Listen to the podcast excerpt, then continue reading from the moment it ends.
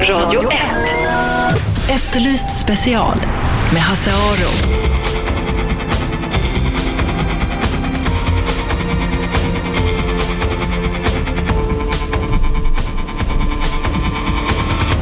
Välkomna hit till Efterlyst special. Jag heter Hasse Aro. Eh, programmet går varje dag mellan 12 och 1 här på Radio 1. Vi pratar brott och straff och lite annat som rör de ämnena.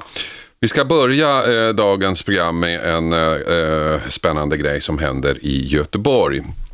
I Göteborg idag åtalades en 37-årig kvinna för ett mycket märkligt brott. Rubriceringen eh, är brott mot griftefriden. Och enligt åklagaren ska kvinnan ha förvarat en hel del mänskliga skelettdelar hemma i sin lägenhet i Bergsjön. Enligt Göteborgs-Posten ska polisen också ha gjort ett beslag av dödskallar på en adress i Uppsala, kranier som enligt tidningen Kvinnan skulle ha sålt. Det florerar en hel del rykten kring det här målet, bland annat att kvinnan skulle använt skelettdelarna för sexuella ändamål. För en timme sedan höll kammaråklagare Kristina Ehrenborg Staffas en presskonferens med anledning av åtalet mot den 37-åriga kvinnan. Aftonbladets Linda Hjertén var med på presskonferensen. Eh, Linda, vad handlar det här om? Ja, det här är ett extremt ovanligt fall. Åklagaren säger själv att hon aldrig varit med om någonting liknande. Den här kvinnan då hade ju hundratals olika skelettdelar, eh, vissa väldigt små, i sin lägenhet. När polisen kom dit så låg ett nästan färdigt skelett utlagt på eh, golvet i lägenheten. Eh, Delarna är från olika personer tror man då. Det fanns även ett stort antal knivar och ett vapen Polisen hittade även ett lönnutrymme i kvinnans lägenhet där hon förvarade liksäckar, eh, borrmaskiner, olika saker som åklagaren tror kan ha varit menat att användas för att sen gräva upp nya lik. Mm. Man undrar ju det, var kommer de här skelettdelarna ifrån? De vet inte riktigt än. Kvinnan själv säger att hon har köpt dem över nätet. Eh, åklagaren är inte riktigt lika övertygad. Eh, man har kunnat, av de undersökningar som har gjorts av de här delarna så har man kunnat slå fast att, eh, slå fast, det är inte en så himla säker vetenskap tyvärr, men man har kunnat se att vissa av delarna är från USA, andra från Mellanöstern, några från Skandinavien. Eh, det nyaste, eller vad man ska säga då i, i de här termerna, är från 50-talet tror man. Okay. Eh, man vet alltså inte helt säkert var kvinnan har fått tag på delarna. Men man vet att hon har sålt vissa vidare, eh, bland annat till en person i Uppsala. Den personen kommer dock inte att riskera något åtal. Det är tydligen nedlagt där, sa åklagaren. Jaha. Om, eh, om man tittar på er nätsida, du har redan hunnit få ut eh, bilder där på aftonbladet.se, mm. så är det ju ganska morbida bilder måste man ju säga det är ju det. Det är inte bara polisens bilder utan de har ju även... De kunde inte komma in i hennes dator för den var tydligen krypterad på ett sånt sätt, på ett avancer, väldigt avancerat sätt så de kom inte in i den. Men de kunde hitta några backup-diskar hon hade gjort och har på så sätt kunnat hitta en del av hennes egna bilder och så vidare. Så att vissa av bilderna vi ser på vår hemsida är också från eh, hennes egna bilder som hon har tagit, bland annat när hon poserar med ett kranie och så vidare. Mm. Och sen så är det bilder då på en väldigt massa, kniv, en massa knivar av olika sorter.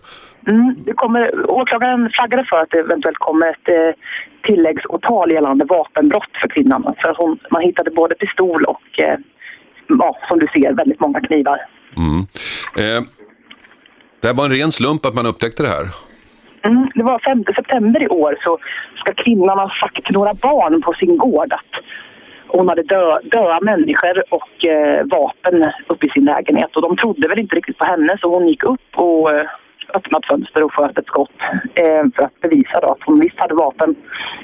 Så polisen kom ju till platsen och det var då man gjorde den här ja, morbida upptäckten. Mm. Eh, vad, vad, vad vet du om kvinnan?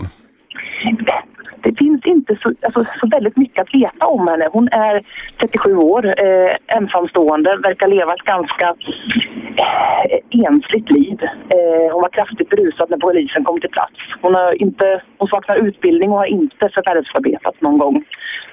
Hon har inte velat uppge för polisen hur hon har ja, försörjt sig själv. Mm. Vad gör hon för intryck? Ja, nu har inte jag sett henne än då, utan det får vi vänta tills nästa vecka i rätt, rättssalen. Men enligt åklagaren så har hon varit eh, trevlig eh, under förhören. Eh, och har svarat på frågor. Eh, ja, ungefär så. Ja, du sa att man hade hittat då ett lönnutrymme i hennes lägenhet där det fanns liksäckar och spade. Tror polisen att hon det faktiskt har gått ut och grävt upp lik på svenska kyrkogårdar? De vill inte säga det så, för att de, de säger bara att de inte vet. De har sina misstankar, men de, de vet inte hur hon har fått tag på de här kranierna och skelettdelarna som hon hade hemma. Men de, de säger i alla fall att de tror att de, att de kan ha planerat att gräva upp Mm. eh, gravar. Man tycker att det borde ha märkts. Ja, jag frågade faktiskt om det finns några gravskändningar som går att eh, koppla samman med det här fallet, men det, det var ingenting de kände till.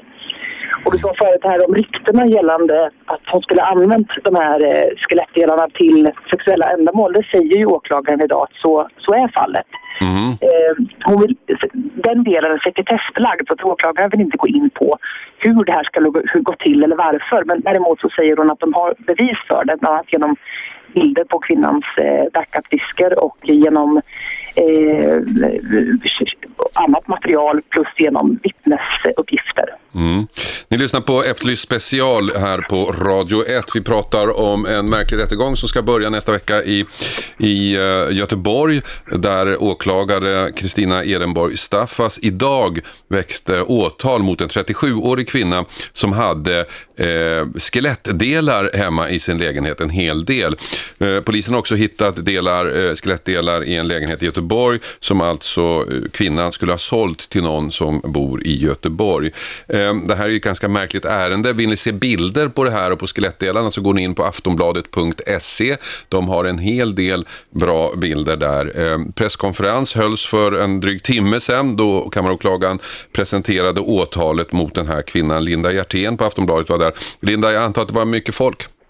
Ja, det var ett ganska stort medieuppbåd faktiskt. Vilket ju inte är så konstigt med tanke på att det här är ett extremt ovanligt fall. Jag har aldrig varit med om någonting liknande i alla fall. Nej. Men om man tittar på det rent, rent eh, om, om man nu inte har grävt upp det här själv, vilket vi inte vet, så som brott betraktat är det inte jätteallvarligt.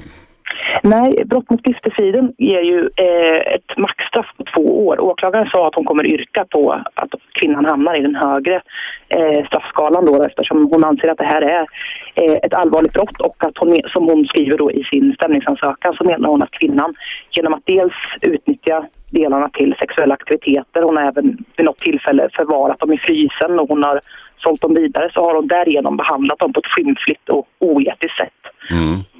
Hon tycker att det därför hamnar i den högre straffskalan.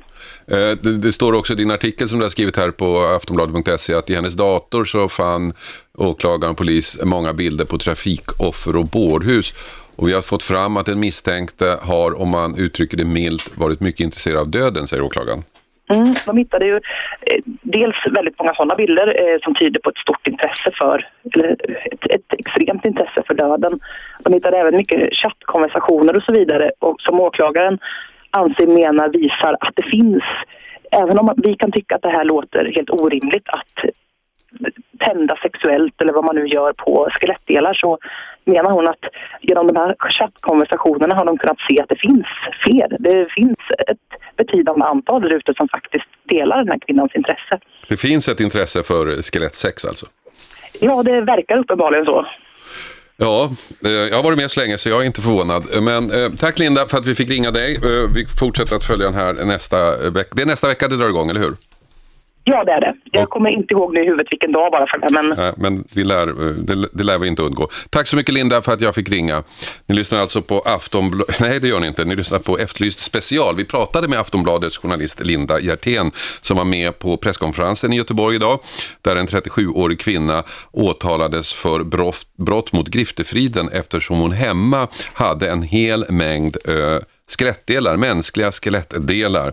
Eh, hon hade också liksäckar och eh, spadar i dolt lönnutrymme hemma.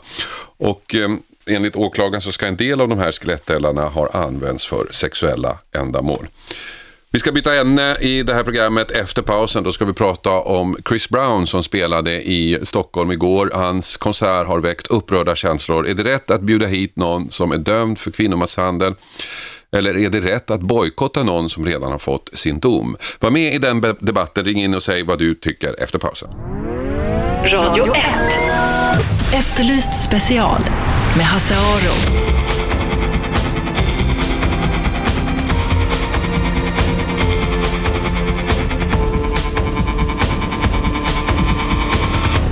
Välkomna tillbaka till Efterlyst special här i Radio 1. Före reklamen var det ju lite förvirrad inledning, men vi kom igång.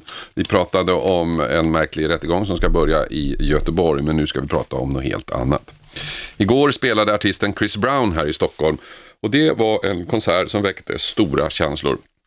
Chris eh, Brown dömdes 2009 för misshandel av sin flickvän Rihanna som av en händelse så var hon i Stockholm i förrgår. Och Chris Brown dömdes till fem års villkorlig dom för misshandeln och inför hans konsert här i Stockholm så hade någon klistrat upp bilder på Rihannas sönderslagna ansikte runt om i stan. Och på landets tidningsredaktioner har hans konsert också gett upphov till en hel del diskussioner. Eh, Kristina Lundell på Svenska Dagbladet skrev i förra veckan att konserten borde bojkottas och tidningen beslutade också att inte recensera den. Hon skrev bland annat att det går inte att skilja på artisten Brown och kvinnomisshandlaren Brown. Andra tidningar har valt en annan linje och konserten inleddes igår med att arrangörerna drog in en del av akkrediteringarna för vissa journalister. Oklart om det hade någonting med eh, skri, skri, de här artiklarna att göra. Förbandet blev också inställt och konserten i sig varade enligt uppgift bara i en timme. Det här tycker jag ger upphov till en massa frågor. Skulle han överhuvudtaget ha bjudits hit? Nu när han kom borde publiken bojkotta honom. Gjorde tidningarna rätt som gick dit? Eh, ni får gärna ringa in och säga vad ni tycker under debatten 0200 11 12 13. Eh, Tara Moshissi, du skriver i Aftonbladet bland annat om just musik. Vad tycker du?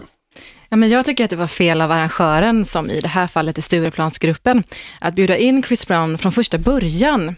För jag tycker att det här brottet är så pass allvarligt och det är så pass färskt. Och jag tycker inte att det är, det är så lämpligt att bjuda in en sån här artist. Mm. Så jag är emot att han kom hit från första början. Däremot så tycker jag att man kan inte riktigt, det är svårt att uppmana publiken till att bojkotta. Jag tycker inte helt och hållet att det är publikens ansvar, precis på samma sätt som jag tycker inte att det ska vara konsumentens ansvar till 100 procent att exempelvis kolla var våra livsmedel kommer ifrån, att allt vi köper är schysst tillverkat. Eh, mm. Men det är väldigt viktigt att det har blivit en sån stor diskussion kring det här nu, för jag tror att många faktiskt inte känner till vad Chris Brown står för. Men du, eh, eh, han har ju då dömts för detta, har fått ett straff. Eh, är det, då, är det då konsertarrangörers sak att liksom driva det här vidare? Ska man inte lämna det åt uh, rättssystemet? Men jag tycker inte riktigt det i det här fallet. Dels för att det är ett så pass allvarligt brott och dels för att det faktiskt är, eh, det är ett stort samhällsproblem så som jag ser det. Förra året hade vi exempelvis eh, 2500 anmälda fall av grov kvinnofridskränkning. Ehm, 20 kvinnor dog till följd av misshandel av en man, 17 stycken av eh, män som hade stått om, som hade varit i nära relationer. Eh, och jag tycker att det, det hade varit ett ganska enkelt och snyggt sätt att ta avstånd ifrån kvinnovåld genom att säga att vi vill inte ha någonting med den här artisten att göra, han är inte välkommen hit.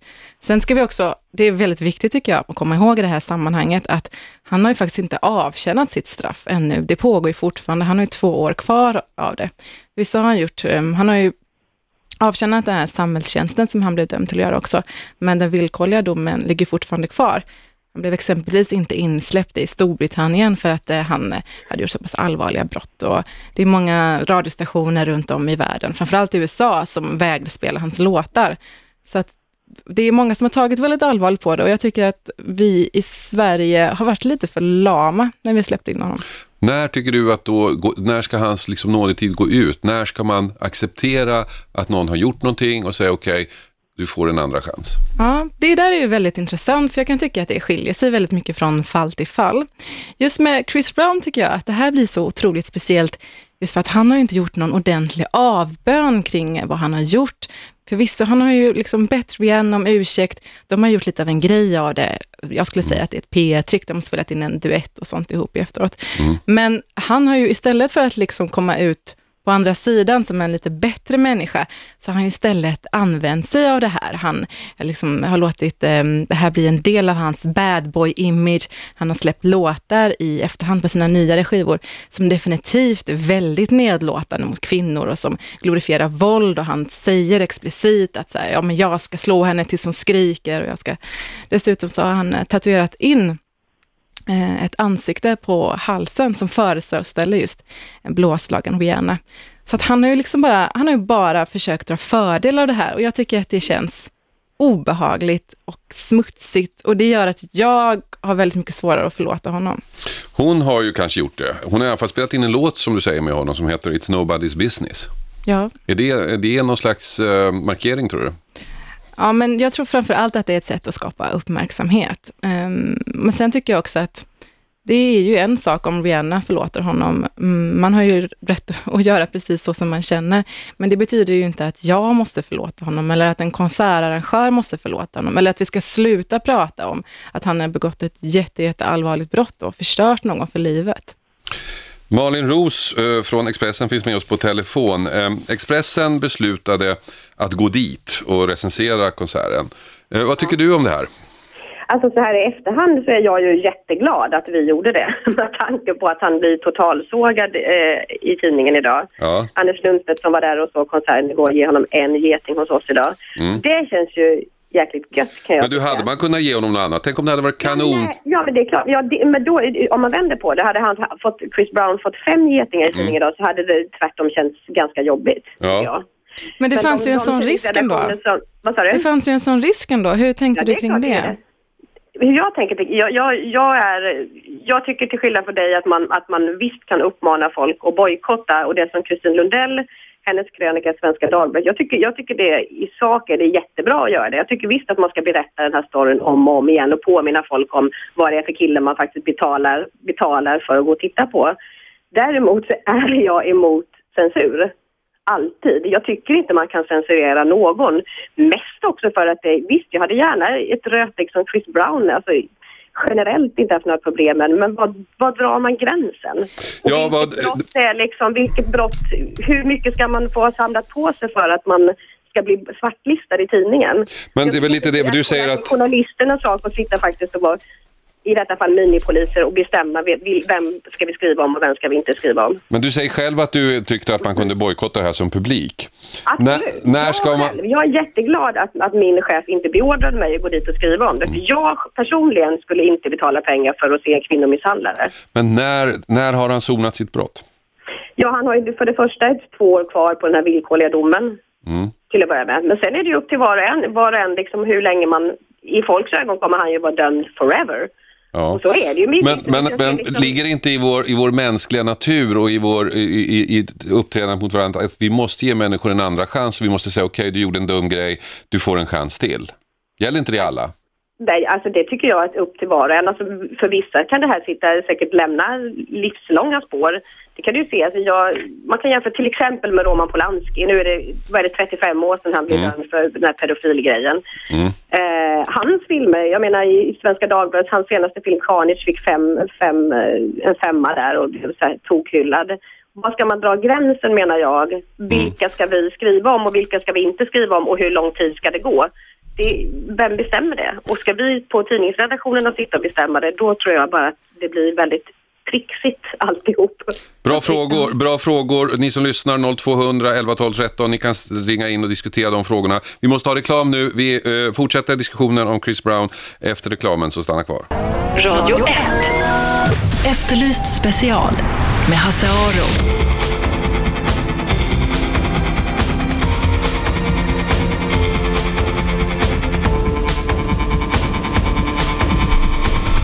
Välkomna tillbaka till Efterlyst special. Eh, Hassaro heter jag som sagt. Vi pratar om Chris Brown som hade kon konsert i Stockholm igår. En konsert som har väckt stora känslor. Han är ju dömd för misshandeln av sin flickvän Rihanna 2009. Han fick fem års villkorlig dom för detta. Det vill säga att han behöver inte sitta inne. Och inför hans konsert här i Stockholm så hade någon klistrat upp affischer på Rihannas sönderslagna ansikte runt om i stan. Och på tidningsredaktionerna så har man diskuterat det här. Svenska Dagbladet eh, skrev eh, Kristina Lundell där förra veckan att konserten borde bojkottas och tidningen har inte eh, recenserat konserten idag. Alla andra tidningar tror jag gick dit. Jag har inte hört talas om någon som mm, bojkottade på det sättet Jag konserten. tror att, jag tror att DN är jag inte säker på att göra en, en vanlig recension heller, utan mer som en krönika. Okej, Malin Ros eh, är med oss på telefon, eh, journalist på Expressen. Och Malin, du tycker att eh, man ska inte censurera, det vill säga att man kan gärna som besökare bojkotta eh, rättegången, men man, som journalist och som media så bör man gå dit. Ja, till, till konserterna, ja. Ja. Jag, Det- ja, ja, men jag tycker det. För det komplicerar också saken när, när han... Om, ponera att Chris Brown skulle sl- slå någon kvinna igen, liksom, eller att det blir en sån grej. Att man måste, då måste man ju skriva om det. Ska man censurera honom då också, eller är det bara nu när han ska föra ut sin musik? Ja, jag bara tycker att den där gränsdragningen blir väldigt svår, tror jag, om tidningsredaktionerna ska göra.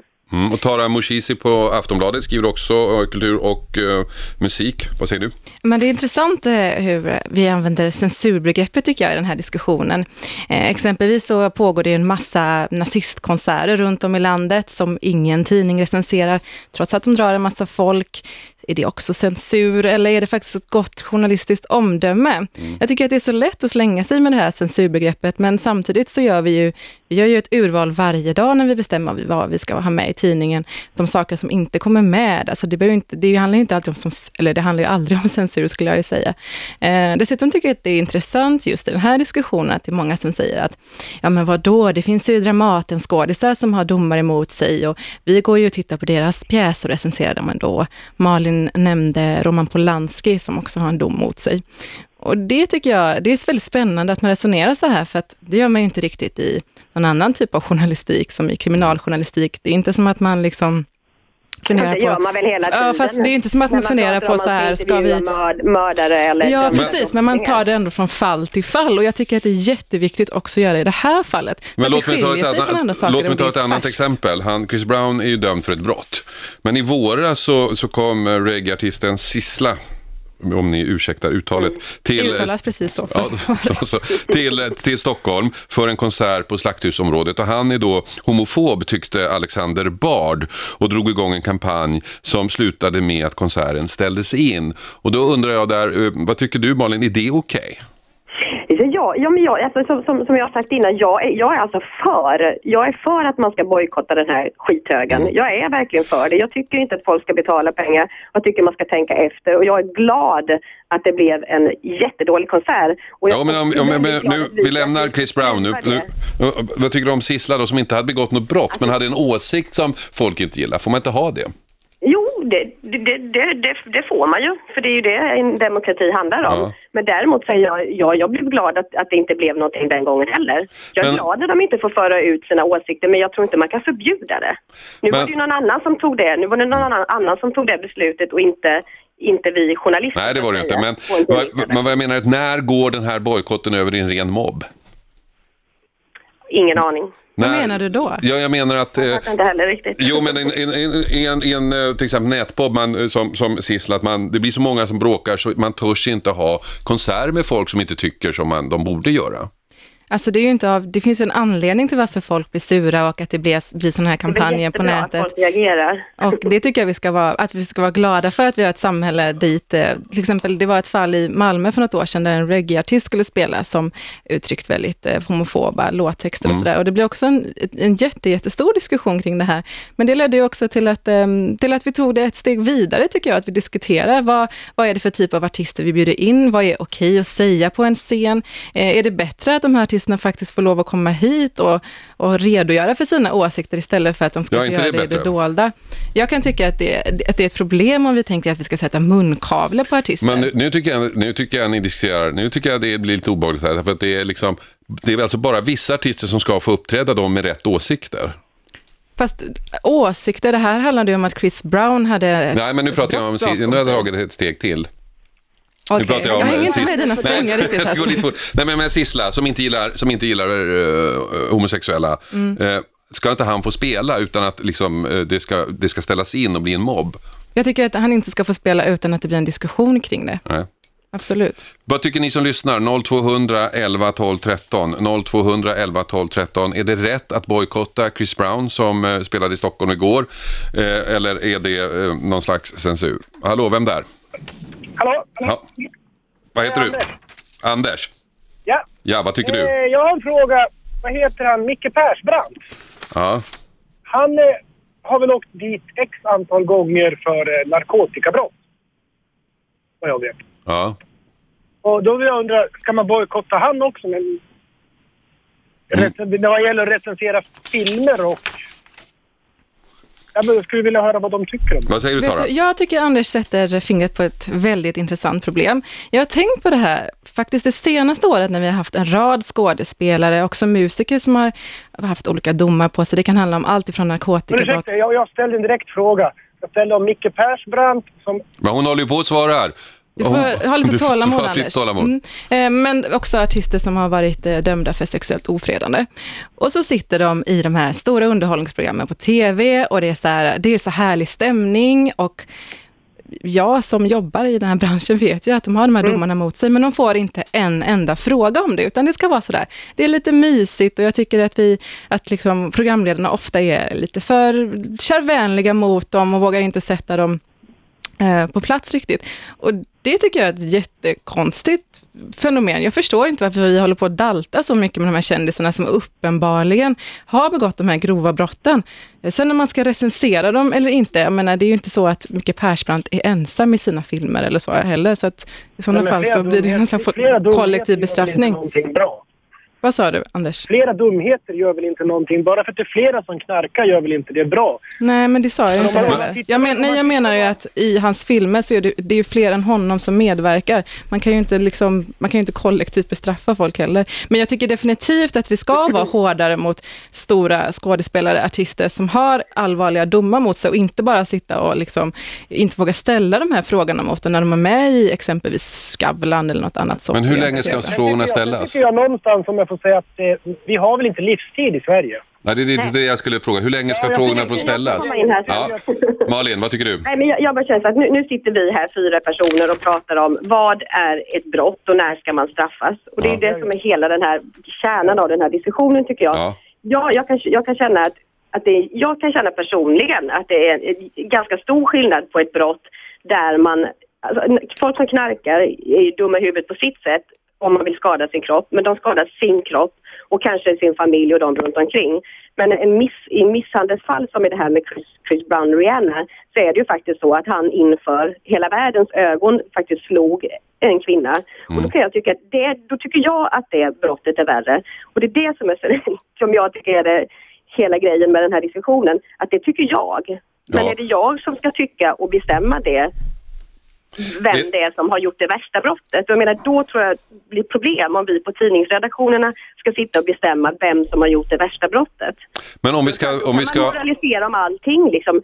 Han var misstänkt. Det kanske räcker med att någon är misstänkt som R. Kelly i det fallet och som har varit så jävla mycket skitstories om genom åren. Men som faktiskt inte är dömd för någonting. Men man kan ändå tycka att han verkar vara en jävla läskig kille.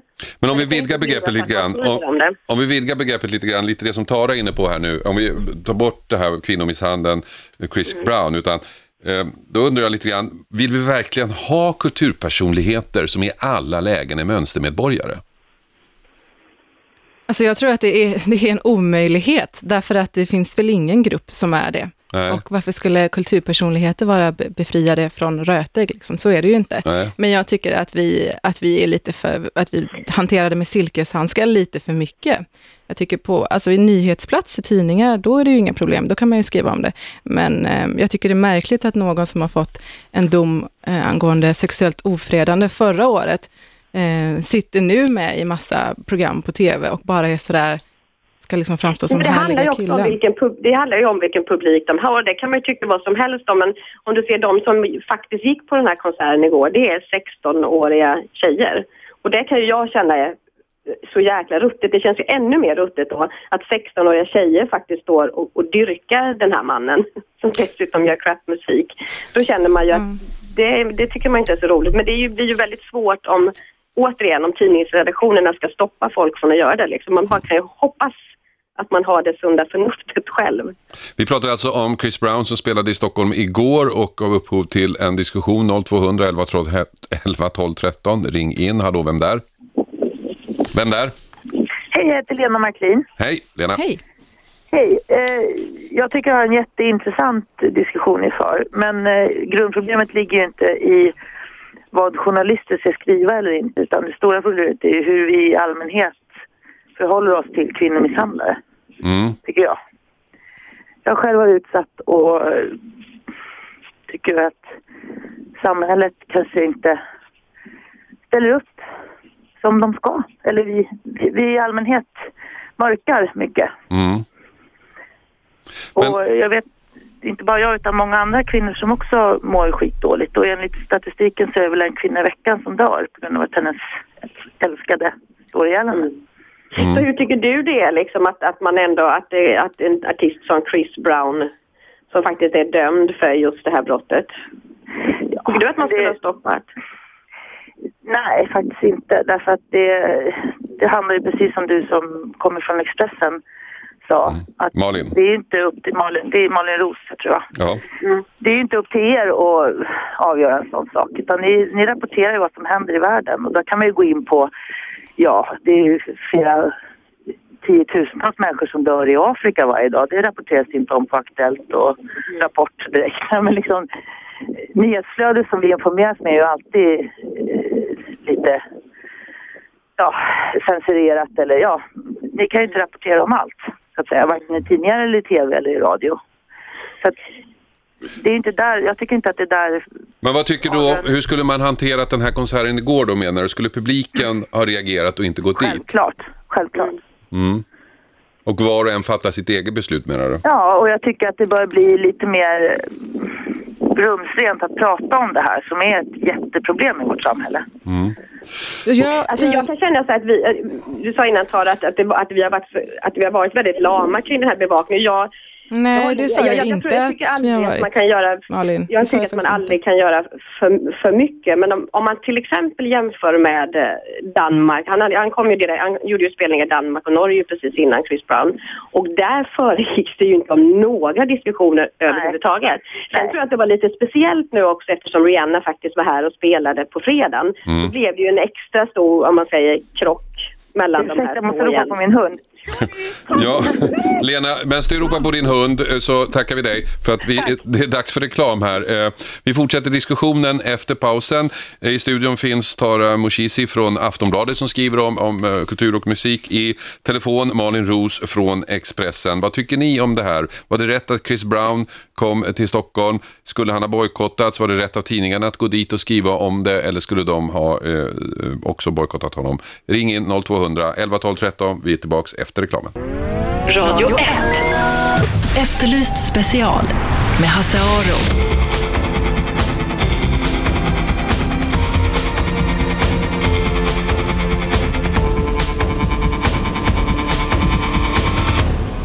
Välkomna tillbaka, Efterlyst special här på Radio 1. Vi pratar om Chris Brown som spelade i Stockholm igår. En konsert som inte fick eh, särskilt bra recensioner.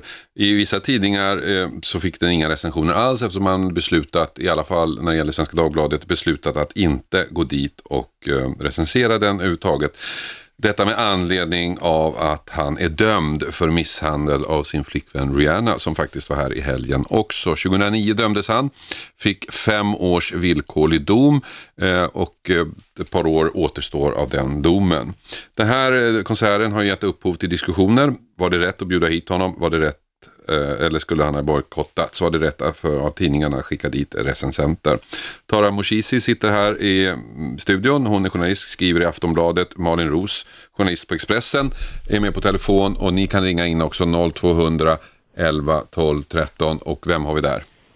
Hejsan, Thomas heter jag. Hej Thomas. Hej. Hej på er.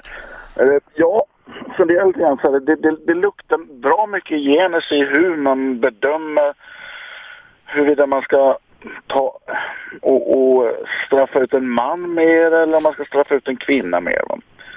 Eh, det, alltså det är aldrig acceptabelt att slå någon människa whatsoever. Men å andra sidan så har vi ett rättssystem i Sverige som ska få gälla. Och eh, oavsett om det är en man som har slagit en kvinna eller en kvinna som har slagit en man så kan man väl inte gå att och överpröva allmän domstols beslut. Men menar du då, ska jag tolka det rätt som du, du menar, bara för att det är en, en, en man som har misshandlat en kvinna här så blir reaktionen som den blir. Hade det varit något annat brott hade den inte blivit det. Tolkar jag dig rätt? Absolut. Kan vi backa bandet ungefär tio år och kolla när eh, Madonna blev eh, eh, åtalad för att slagit en av sina dansare som hon då hade en relation med. Eh, gav honom pisk med eh, tillhyggen. Det var ingen som sa så särskilt mycket om det. Mm. Tara, vad säger du? Har den här är- diskussionen Ja, eh, men en ofta- överton av, eh, av eh, Och om den har en ton av genus så är jag jättenöjd. Jag tänker att ofta när man diskuterar kvinnomisshandel så får man argumentet, men vad då? det finns ju kvinnor som misshandlar män också. Ja, det finns det absolut. Våld är inte rätt någon gång. Det ena är inte sämre än, eller det, ena är inte bättre än det andra. Och det är liksom inget motargument för att ta ställning mot kvinnovåld i att, vadå, det finns kvinnor som, som slår män också. Nej, men det är inte det vi kan vi inte komma överens om att vi tycker våld är fel? Varför, det är inte så jag menar och det är inte så vi diskussionen är utan frågan är varför får det så mycket mer utrymme för att det nog råkar vara Chris Brown som har spöat upp Rihanna då, vilket Jag tror, att det var, jag tror att mycket av den uppmärksamheten vi pratar om är, är att för den kvinna som du säger han råkade spela upp är då Rihanna, en av faktiskt världens just nu hetaste artister och att det skedde tämligen upp, inför öppen spår på, i en limousin på väg till Grammy-galan. Och Men att han fortfarande straffas för det. Han Men har inte Malin- avtjänat sitt straff. Men. Malin och eh, Tara, ligger det inte ändå någonting i vad Thomas säger här? Att, det, att reaktionen har blivit så stor för att det är ett kvinnobrott. Om man hade gjort ett annat brott som i, i, i juridiskt sett motsvarande eh, straffvärde så hade det inte alls blivit samma sak. I, alltså det kan, det kan jag inte säga. Alltså jag vet inte om det är Chris Brown. Det, så du, du kan jämföra med Charlie Sheen till exempel. Jag tror Ja. att det bara är två eller tre år sedan som han, han satt inne. Han skakade galler för att ha slagit sin dåvarande hustru. Alltså det, det skrevs ju inte alls nästan om. Nej. Alltså nu, alltså nu Svenska Dagbladet skriver ju, det var inte länge sedan de skrev om hans nya tv-serie Anger Management. Så jag menar det, jag tror inte att det egentligen har med, alltså det är nog, för, det är nog väldigt mycket fall till fall som vi pratade om innan. Och sen Men det tror här jag också fallet har blivit extremt. Jag tror också att det berodde på väldigt mycket på att eh, just de här bilderna på en blåslagen Rihanna kom ut så himla snabbt efteråt och att det blev så tydligt vad han hade gjort och vilka konsekvenser det hade fått. Och det är Det ju, jag är lättare att lite, ta, sig, att ta det till sig på något vis. och jag är inte säker på att det är rätt att klistra upp. Alltså jag, som sagt, återigen, är helt emot det här och tycker att man ska bli påmind om, att, eh, om det här brottet och det han har gjort. Däremot att sätta upp de här planscherna överallt på Rihannas sönderslagna ansikte. Jag menar, hon har inte bett om det. Hon kanske inte tycker det är så jäkla kul att vara tapetserad över hela världen med det här sönderslagna ansiktet. Jag undrar just vad hon tycker om att han har tatuerat in samma bild Ja, på nej, halsen. men det, det vet man inte att det är Rihanna liksom, även om man, Fast man det ser drar dem. exakt likadant ut. Men, men, jag, nej, men jag bara menar, man gör ju Rihanna hela tiden faktiskt till ett dubbelt offer kan jag tycka.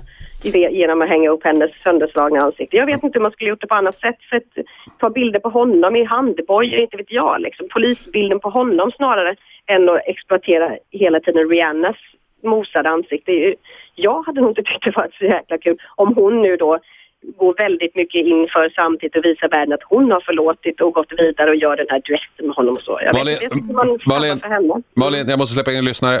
Hallå, vem där? Hallå, vem där? Ja, hej, Viktor här. Jag Ja. tänkte ringa och diskutera den här uh, Ja, kör. Sissla-grejen. Ja, alltså den, ja, som jag tog upp här. Ja. Precis. Jag, jag, tycker, jag, hade ju sett, jag hade ju sett fram emot att gå på den här spelningen. Och, Mm. och, eh, jag, jag, tycker det nästan var li, liksom lite hotfullt att, att, att eh, liksom, nu ska vi stoppa det här och, och blir det av ändå så, så då jävlar kommer vi liksom stå utanför och nästan med högafflar. Jag, jag tyckte Ja. det kändes... Alltså, i, i- grund och botten tycker jag man fördummar en hel publik genom att säga liksom att, att, folk går inte dit för att lyssna på liksom, de här böghatarlåtarna. Det, det, det är ingen som är... Folk går ju dit för att ha kul, lyssna på bra musik. Liksom, det här är en världsartist. Han har sålt hundratals tusen skivor i flera länder. Men du, då har jag en fråga till dig. Eh, Du säger att... Det var en väldigt snabb fråga här nu. Ja, hur, hur hanterar du det faktum att han fortfarande är väldigt homofobisk och att han är väldigt Alltså- nedlåtande mot gaykillar i sina texter? Jag tycker det är fel, men, men jag vet ju inte var han kommer ifrån. Jag, jag, jag tar mig inte rätten att sitta och döma ut han. Jag menar, man kan dra en liknelse inom eh, i hiphop och rapkulturen finns det ett väldigt så här att man ska skjuta poliser. Och, och det är ju accepterat. Men, men polisen är också en, en minoritet och, och, det, och det är liksom... Jag, jag tycker man, man sätter sig på höga hästar och, och, och man är... Man, man är minoritet och man är kränkt och det är hatbrott. Och jag, jag tycker det är så larvigt. Du, det får, det får bli slutordet. Jag måste sluta nu. Tack för att du ringde. Eh, tack också eh, Malin Ros för att du var med på telefon. Tack Ja. Tara för att du kom hit. Eh, vi har alltså diskuterat Chris Brown, konserten igår, eh, bojkott eller inte bojkott. Jätteintressant diskussion, tyckte våra lyssnare också. De ringde som 17. 101,9 Radio 1. Sveriges nya pratradio.